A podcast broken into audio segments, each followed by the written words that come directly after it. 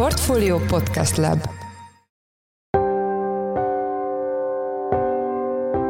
Mindenkit üdvözlünk, sziasztok! Ez a Checklist a Portfolio podcastja május 22-én hétfőn. Az adás első részében arról a könyvről lesz szó, amelyet a rettegett orosz Wagner csoport volt parancsnoka írt, és amelyben többek között lerántja a leplet a Kreml propagandájáról, a Kreml hazugságairól is. A legfontosabb ok, ami miért úgy döntött, hogy kitállal az, hogy tagadta az orosz hivatalosság, hogy a Wagner csoport katonái részt vennének bármilyen műveletben, ő egy, egy szíriai bevetéshez köti azt, amikor nála betelt a pohár. Ez egy olajfúró toronynak a megtámadása volt, amelyben 200-300 orosz Wagner zsoldos is meghalhatott, és amely, amelyet követően a, az orosz külügy egyszer letagadta, hogy ott orosz fegyveresek harcoltak volna. Vendégünk is Csaba a portfólió globál elemzője. A második részben a cégfelszámolások felgyorsulásáról lesz szó, amelyben az is aggasztó elem, hogy sok vállalkozás minden előzmény nélkül szűnik meg. Erről Szabó Dánielt, a portfólió makrogazdasági elemzőjét kérdezzük. Én Szász Péter vagyok, a Portfólió Podcast Lab szerkesztője, ez pedig a checklist május 22-én. Magyarul is megjelent a rettegett orosz zsoldos sereg, a Wagner csoport egyik kiugrott kanonájának, pontosabban parancsnokának könyve, amelyből sok részlet megtudható erről a szervezetről, amelyet egyébként a nyilvánosság nagy része Ukrajna lerohanását követően ismert meg. A könyvről Kis Csabát kérdezzük, aki lapunk globál rovatának elemzője. Szia! Szia, köszöntöm a hallgatókat! Az első kérésem, hogy mondd el kérlek a hallgatóknak, hogy mi is ez a Wagner csoport, mikor hozták létre, kikből áll, és miért olyan félelmetes. 2014-ben alakult meg a Wagner csoport, egy orosz magánkatonai vállalkozás, zsoldos hadsereg, ahogy szoktak rá hivatkozni. Azért érdekes ez, mert Oroszországban hivatalosan törvény tiltja katonai magánvállalkozásoknak a létrehozását, tehát a Wagner lényegében illegálisan működik Oroszországon belül is. Milyen célokat szolgál? Az elsődleges célja az, hogy Oroszországnak az érdek érdekeit közvetítse külföldön, elsősorban külföldön, külföldi bevetéseken, Ukrajnában, Szíriában és nagyon sok afrikai országban, például Líbiában, Szudánban, Közép-Afrikai Köztársaságban, Burkina Fázóban vagy Maliban is jelen vannak a Wagner hadseregnek a katonái.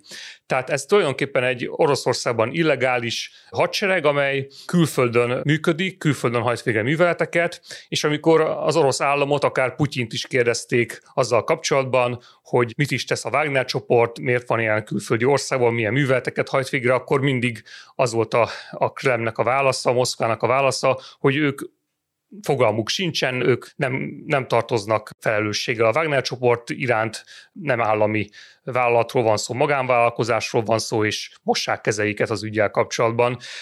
Tehát a Wagner csoport nagyon jó arra, hogy a Kreml, Moszkva gyakorlatilag felelősség nélkül hajtson végre külföldi műveleteket, és aztán pedig mondhassa, hogy ő neki köze sincs az egészhez. És tényleg olyan különleges kiképzést kapnak ezek a zsoldosok, hogy ezt egy ennyire félelmetes szervezetté teszi ezt a, ezt a Wagner csoportot? A Wagner csoport kezdetben, tehát még az ukrajnai háború előttig egészen valóban jól képzett zsoldosokból állt nagy részt, amennyire lehet ezt tudni. A Marad Gabidulin által leírtak alapján is úgy tűnik, hogy, hogy ők azért rendes kiképzést kapnak, és nagyon jó fizetést kaptak, kapnak a munkájukért, úgymond. Aztán volt egy nagy változás tavaly ősztől, amikor ugye elkezdtek börtönökből toborozni zsoldosokat, Bakmut bevételére, Bakmut ostromára, és hát azok a zsoldosok már nem voltak túl jól kiképezve, azokat lényegében ugye az első sorokba küldték előre, és tulajdonképpen egy ilyen húsdaráló, szokta a sajtó mondani, húsdaráló alakult ki, tehát ahol tényleg ezres, több ezres, sőt akár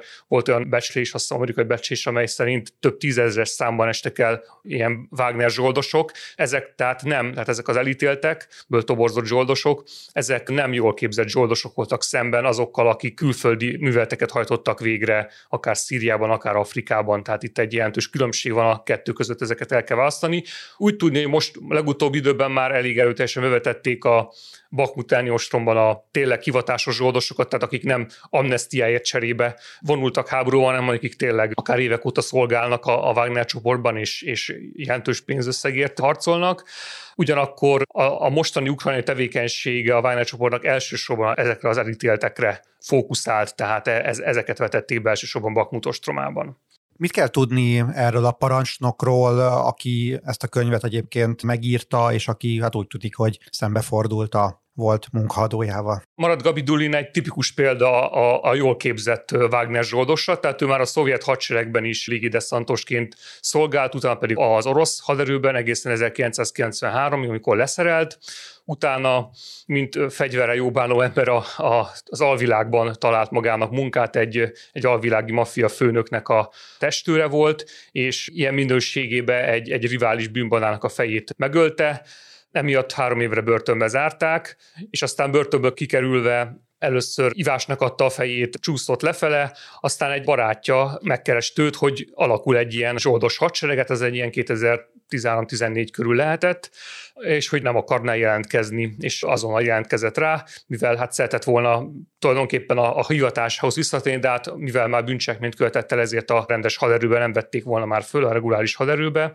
így hát úgy döntött, hogy akkor a, a Wagner csoportba felvételezik, úgymond, és rögtön föl is vették, és aztán elküldték egy, egy kiképzésre, egyébként egy olyan helyre, amely nem messze van az orosz haderőnek egy bázisától, tehát ez is mutatja, hogy elég erőteljes összefonódás van a hivatalos orosz haderő és a, és a zsoldosok között. Miért döntött úgy, hogy most kitállal? Ami a, a könyvében végigkövethető, illetve más nyilatkozataiból például készült egy francia dokumentumfilm is a Wagner csoportról, amelyben először jelent meg Marat Gabidulin személyében, ebben is val a tevékenységéről, illetve hogy miért döntött így. A legfontosabb ok, ami miért úgy döntött, hogy kitállal az, hogy tagadta az orosz hivatalosság, hogy a Wagner csoport katonái részt vennének bármilyen műveletben, ő egy, egy szíriai bevetéshez köti azt, amikor nála betelt a pohár, ez egy olajfúró toronynak a megtámadása volt, amelyben 200-300 orosz Wagner zsoldos is meghalhatott, és amely, amelyet követően a, az orosz külügy egyszer letagadta, hogy ott orosz fegyveresek harcoltak volna, és Marad Gabidulin számára ez egy olyan tett volt az oroszlán részre, amelyről azt gondolt, hogy tulajdonképpen cserben hagyták őket, mint orosz zsoldosokat, nem ismerik el őket. Ugye leírja, hogy a kitüntetéseit is titokban kapja, minden titokban kell tartani. Sőt, hát azt is tudni lehet, hogy a, a Wagner zsoldosok, elesett Wagner zsoldosok családja szemben az elesett reguláris katonák családjával nem kap fájdalomdíjat az elesett katona után, tehát nem, nem segíti utána a családját az orosz állam szemben a reguláris katonák családjával. Így hát a Wagner zsoldosok ilyen szempontból sokkal rosszabb helyzetben vannak, bár a fizetésük az meglehetősen nagy, de hogyha elesnek, onnantól kezdve vége, tehát onnantól kezdve senki nem tudja, hogy, hogy, hogy tulajdonképpen az orosz állam érdekeiért harcolva esett el, a családja nem kap semmit, tehát egy ilyen nagyon, a Krem számára egyébként, Moszkva számára egyébként egy tulajdonképpen jó megállapodás ez, hiszen neki akkor nem kell fizetnie az elesett zsoldos után. Muszáj megkérdeznem, hogy nem rendkívül veszélyes erre az emberre nézve az, hogy most ő kitállalt? Nyilvánvalóan nem veszélytelen, mint hogy láttuk, hogy korábban ugye orosz kémek, akik nyugatra mentek és, és kitálaltak, Litvinenko, Szergej Skripál például, vagy például ellenzékiek, Boris Nemcov, Navalnyi, vagy megölték őket, vagy ugye gyilkossági kísérlet volt elnök. Gabi Dulin kapcsán nem tudok ilyenről, hogy lett volna ellen gyilkossági kísérlet. Úgy tudom, hogy még mindig él Franciaországban, és több nyilatkozatot is tett, ezek interneten megtalálhatók. Tehát ő maga azt mondja, hogy persze, írja könyvbe, hogy persze elő, előfordulhat, hogy vele is ez történne, majd említi is ezeket az eseteket, de azt mondja, hogy hát akkor ez a sorsa, tehát hogy erre, erre föl van készülve. Hát ő egyébként kétszer is megsebesült szíriai bevetései során, egyszer nagyon súlyosan megsérült, több hétig volt kórházba, tehát ő úgymond föl van készülve a halára, tehát mint fegyveres harcos, tehát ő ebben él, hogy, hogy ő bármikor meghalhat, úgyhogy számára ez nem volt annyira nagy merészség, úgymond, hogy kitálhat, hiszen, hiszen föl van bármikor készülve arra, hogy ő, hogy ő áldozata lehet a, akár egy hadiműveletnek, akár, akár egy politikai műveletnek ellene. Arról beszéltünk, hogy milyen szerepet játszik a Wagner csoport Ukrajnában, Bakhmut ostromával kapcsolatban, de mi volt a szerepük Szíriában? Erről tudsz egy kicsit beszélni? Szíriában Oroszország a Bashar al-Assad elnököt támogatta, tehát ugye 2011-ben az arab tavasz során ugye Szíriában is kirobbant egy forradalom, felkelés a szír elnökkel szemben, Bashar al-Assaddal szemben, aztán ez egy polgárháborúvá kulminálódott, amelyet aztán egész Európa megérzett, ugye a menekült válság 2015-ben nagy részt a szíriai polgárháborúnak volt köszönhető, és hát mai napig tart tulajdonképpen ez a polgárháború. A, az elnök Bashar Assad azóta megerősödött, főleg egyébként Oroszországnak köszönhetően, és Oroszország elsősorban éppen Wagner zsoldosokat küldött, hogy segítse a szíriai haderőt, egyrészt hadi műveletekben is, amit ezt Marat is leírja, másrészt pedig kiképzésekben is, tehát például van egy, egy mondjuk úgy szíriai Wagner csoport, a sivatagi solymok, ez egy ilyen paramilitáris alakulat volt, amit azóta betagoltak a szíriai haderőbe. Ezeknek a kiképzésében is segített Marat, illetve a Wagner csoport, de nagyrészt hadműveleteket hajtottak végre a szíriai haderőt segítve. A Marat Gabidon egyébként többször leírja, hogy lényegében nekik kellett minden munkát, tehát a Wagnereseknek kellett minden munkát elvégeznie. Nagyon rossz véleménye van mind a szíriai reguláris erőkről, mind a, mind a sivatagi solymokról, gyáváknak és kiképzetlennek tartja őket. Szemben egyébként az iszlám állammal, amelyel szemben a, a legtöbb harcot vívták, ugye Palmyra visszafoglalásában játszott fontos szerepet a Wagner és Marat Gabiduli maga is. Az iszlám államon egyébként nagyon elismerően ír Marat Gabiduli, attól eltekintve, hogy, hogy ellenzi az ideológiájukat de a, az iszlám harcosait bátornak és önfeláldozónak, magukat feláldozónak írja le, akik, akik sokkal, sokkal képzettebbek és sokkal jobban harcolnak, mint a, mint a szíri erők, és lényegében tulajdonképpen rávilágít arra, hogy ténylegesen az orosz, orosz segítség egyszerűen nélkülözhetetlen volt a, a szír elnök számára, hogy, hogy visszaszerezze a pozícióit, mert maguk a szíriai kormányerők annyira rossz munkát végeztek, úgymond a, a fronton. Köszönjük szépen a cikket, amit ezzel kapcsolatban írtál, betesszük majd a podcast leírásába. Az elmúlt percekben Kis Csabával beszélgettünk, aki lapunk globál robotának elemzője. Köszönjük, hogy a rendelkezésünkre álltál. Én is Szia. köszönöm. Sziasztok!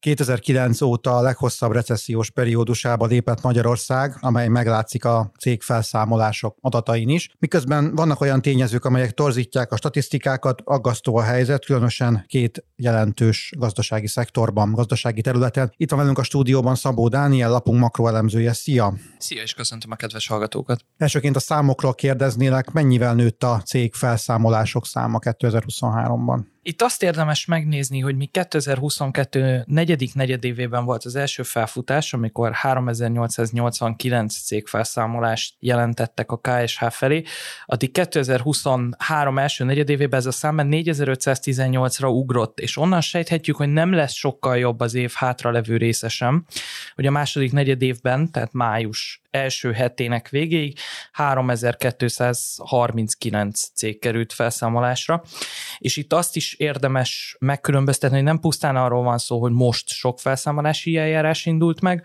hanem a felszámolással megszűnt cégek száma is most lett kiugróan magas. Mely szektorokat érint ez a csőd hullám, és miért pont ezeket? Leginkább azokat a nemzetgazdasági szektorokat érinti ez a bezárási hullám, amelyek egyébként is nagyon nehezen viselik a mostani energiaválságot és alapanyagdrágulást, így főként az építőipar és a kiskereskedelem az, ahol látható ez a szenvedés, és a legtöbb vállalkozás itt húzza le a rolót. Annyit érdemes is elmondani, hogy gyakorlatilag az összes cégfelszámolásnak a fele ebből a két szektorból került ki az előző hónapban. Lehet tudni, mi várható 2023 második felében? Várhatóan nem sokat javulnak a kilátások, ugye egyelőre még az elemzők is bizonytalanok azt illetően, hogy milyen felívelés várható az egész nemzetgazdaságban, nem hogy egyes szektorokban, de az várható, hogy a kiskereskedelemben és az építőiparban nem fog sokat javulni a helyzet, mert még az energiaárak és az alapanyagárak csökkenése az esetleg segíthet az építőiparon, de a magas kamat környezet eddig nem kedvezett nekik, és már sok beruházást elhalasztottak, és az állam sem igazán tud ösztönzőket fizetni, uniós források még mindig nincsenek, így a beruházási volumen már nagyon visszaesett, és hogyha el is indulnának fejlesztések, azoknak az átfutási ideje akár a tervezéstől a kivitelezésig annyira hosszú, hogy sokára jelenhetne meg ennek a hatása az építőiparban, vagy a környező szektorokban, tehát így például az építőipari alapanyagkereskedő cégeknél. A kiskereskedelemben ott az lesz nagyon nagy kérdés, hogy a fogyasztást romboló magas inflációs környezet meddig marad fönt, itt azért eltérő előrejelzések vannak, alapvetően a magas bázis miatt arra lehet számítani, hogy az inflációs szintek visszaesnek, viszont még kérdés, hogy a reálkereseteket mennyire csökkentette az elmúlt hónapok emelkedő árkörnyezete, és itt azért még lehetnek problémák az év hátra levő részében is, de összességében az a várakozás, hogy lesz egy felívelés a lakossági fogyasztásban is, és az építőiparnál is történhet ilyen, ami kedvezhet, viszont a már megindult eljárások lezárását ez már nem fogja befolyásolni. Hogy egy kicsit tompítsam itt a statisztikáknak az élét volt néhány olyan tényező, ami módosíthatja ezeket az adatokat. Ugye volt egy végelszámolási moratórium a COVID alatt, ennek a hatását hogy látjuk, esetleg szóba kerülhet itt a kata kivezetése vagy megszüntetése, ennek volt valamiféle hatása a mostani számokra? Igen, mindenképpen volt. Tehát nagyjából a mostani cégfelszámolási adatoknak a felét megmagyarázza azt, hogy 2020-ban a koronavírus járvány alatt a cégbírósági eljárásoknál egy moratóriumot vezettek be. Ezek fel is torlódtak, és nehezítik is az adatoknak a megtisztítását, ugyanis akár két év is lehet egy ilyen eljárásnak az időtartama, tehát ez mindenképpen torzítja az adatokat. A kata esetében inkább az történt, hogy sok vállalkozás váltott adónemet, tehát annak eleve egy ilyen kisebb hatása kellett, hogy legyen a felszámolási adatokra, de még mondjuk azt, hogy ez is egy 30-40 százalékát magyarázhatja a jelenlegi számoknak. Viszont ami aggasztó, hogy megindult a előzmény nélküli cégfelszámolási eljárások száma is. Bocsánat, ez mit jelent? Az előzmény nélküli eljárásoknak azokat nevezzük, amikor nem volt semmilyen kifüggesztés vagy hirdetmény egy adott céggel kapcsolatban, hogy akár elmulasztotta a fizetéseit, tartozik a beszállítóinak, hanem ő csak most jelent meg a rendszerben, tehát ellene a hitelezők még csak most nyújthatják be a követelési igényeiket a bíróságnak vagy a felszámolók felé. Tehát ezek teljesen új eljárások, ezeknél nem lehet arról szó, hogy nem adtak le korábban beszámolót, tartozásuk lenne az adóhatóság felé, megszűnt volna a pénzforgalmi jelzőszámuk leegyszerűsítve a bankszámlájuk, tehát itt teljesen új eljárásokról beszélünk, akik a jelen körülmények között nem tudnak már teljesíteni, és ami aggasztó, hogy itt már 10%-os az arányuk az összes meginduló felszámolási eljáráson belül, ami még önmagában nem hangozna egy olyan nagy összegnek, de amikor normál békés időszakban vagyunk, akkor összességében szokott lenni mondjuk 4-500 darab felszámolás egy hónapban, és a mostani 200 körüli eljárás szám az már azt jelenti, hogy 40-50 százalékát tennék ki az akkori összes eljárásnak, ami egy elhúzódó válságra utal. Akkor ez magyarul lefordítva azt jelenti, hogy rengeteg olyan cég van, ami egyébként normálisan működik, tehát azt gondolnánk, hogy igen, profitot termel, és a tulajdonos mégis úgy dönt valamilyen oknál fogva, hogy beszántja. Nem feltétlenül erről van szó, ezek a cégeknek a nagy része valószínűleg szenvedett valamilyen módon, tehát azzal szembesült, hogy már nem tud profitot termelni, akár súlyos elbocsátás változásokba kell kezdenie, megszűnt a piaca, tehát van valamilyen külső krízis tünet, ami akár a cég belső működésében is megjelenhet, de azt jelenti, hogy ezeknél a cégeknél nem arról van szó, hogy ők a koronavírus járvány alatt kerültek bajba, vagy tavaly az energiaválság alatt, hanem most kezdtek el annyira szenvedni, hogy bedobják a törülközőt, vagy nem maradt más választása a hitelezőinknek, mint hogy végrehajtást, felszámolást kérnek rájuk. Értem, köszönjük szépen az elmúlt percekben Szabó Dániel lapunk makroelemzője volt a vendégünk. Köszönjük, hogy ezt elmondtad nekünk. Szia! Köszönöm a figyelmet, sziasztok!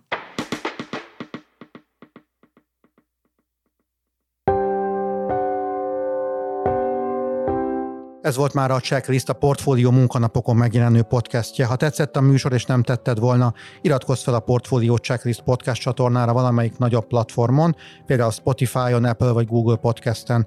Ha segítenél nekünk abban, hogy minél több hallgatóhoz eljussunk, értékelj minket azon a platformon, ahol ezt az adást meghallgattad. A mai műsor elkészítésében részt vett Bánhidi Bálint, a szerkesztő pedig én voltam Száz Péter. Új műsorral kedd délután 5 óra magasságában jelentkezünk, addig is minden jót, sziasztok!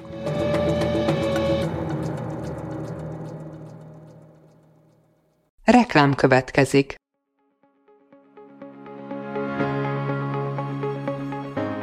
Raúl Müller Lajos vagyok, az Agrárszektor főszerkesztője. Májusban két tematikus konferenciát is rendezünk Kecskeméten az agrofood szektor szereplőinek. A május 22-én tartandó Portfolio Agrofood 2024 konferencia az élelmiszeripari vállalkozások, beszállítóik, a szolgáltató cégek és a kereskedők számára nyújt egyedi betekintést az aktuális trendekbe. A május 23-án megrendezendő Agrofuture konferencia pedig egyedülálló módon tematikus formában foglalja össze a hazai agrárgazdaság fenntarthatósági követelményeit és innovációs lehetőségeit. Jöjjön elő is, részletek és jegyek a portfolio.hu per rendezvények oldalon.